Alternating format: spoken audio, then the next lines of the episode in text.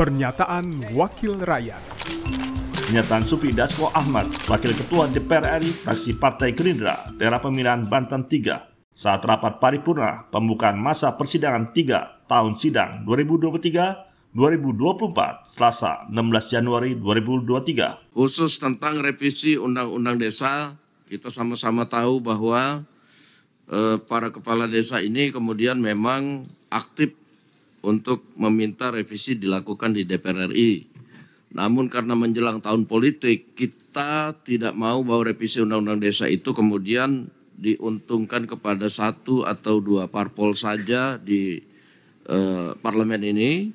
Nah sehingga dalam, saya ulangi, sehingga dalam masa sidang ini kami memberikan kesempatan kepada para organisasi kepala desa itu untuk muter kepada seluruh fraksi untuk meyakinkan bahwa perlunya undang-undang desa ini direvisi dan bermanfaat untuk para kepala desa dan rakyat banyak. Nah, oleh karena itu dalam masa sidang yang pendek ini kami mempersilahkan pada fraksi-fraksi untuk membuka pintu kepada organisasi-organisasi kepala desa untuk mereka dapat bersilaturahmi dan meyakinkan para ketua-ketua fraksi dan anggotanya agar revisi ini bisa berjalan dengan lancar di DPR RI. Pernyataan Sufi Dasko Ahmad, Wakil Ketua DPR RI fraksi Partai Gerindra, daerah pemilihan Banten 3, Produksi TV dan Radio Parmen, Biro Pemberitaan Parmen, Sekjen DPR RI.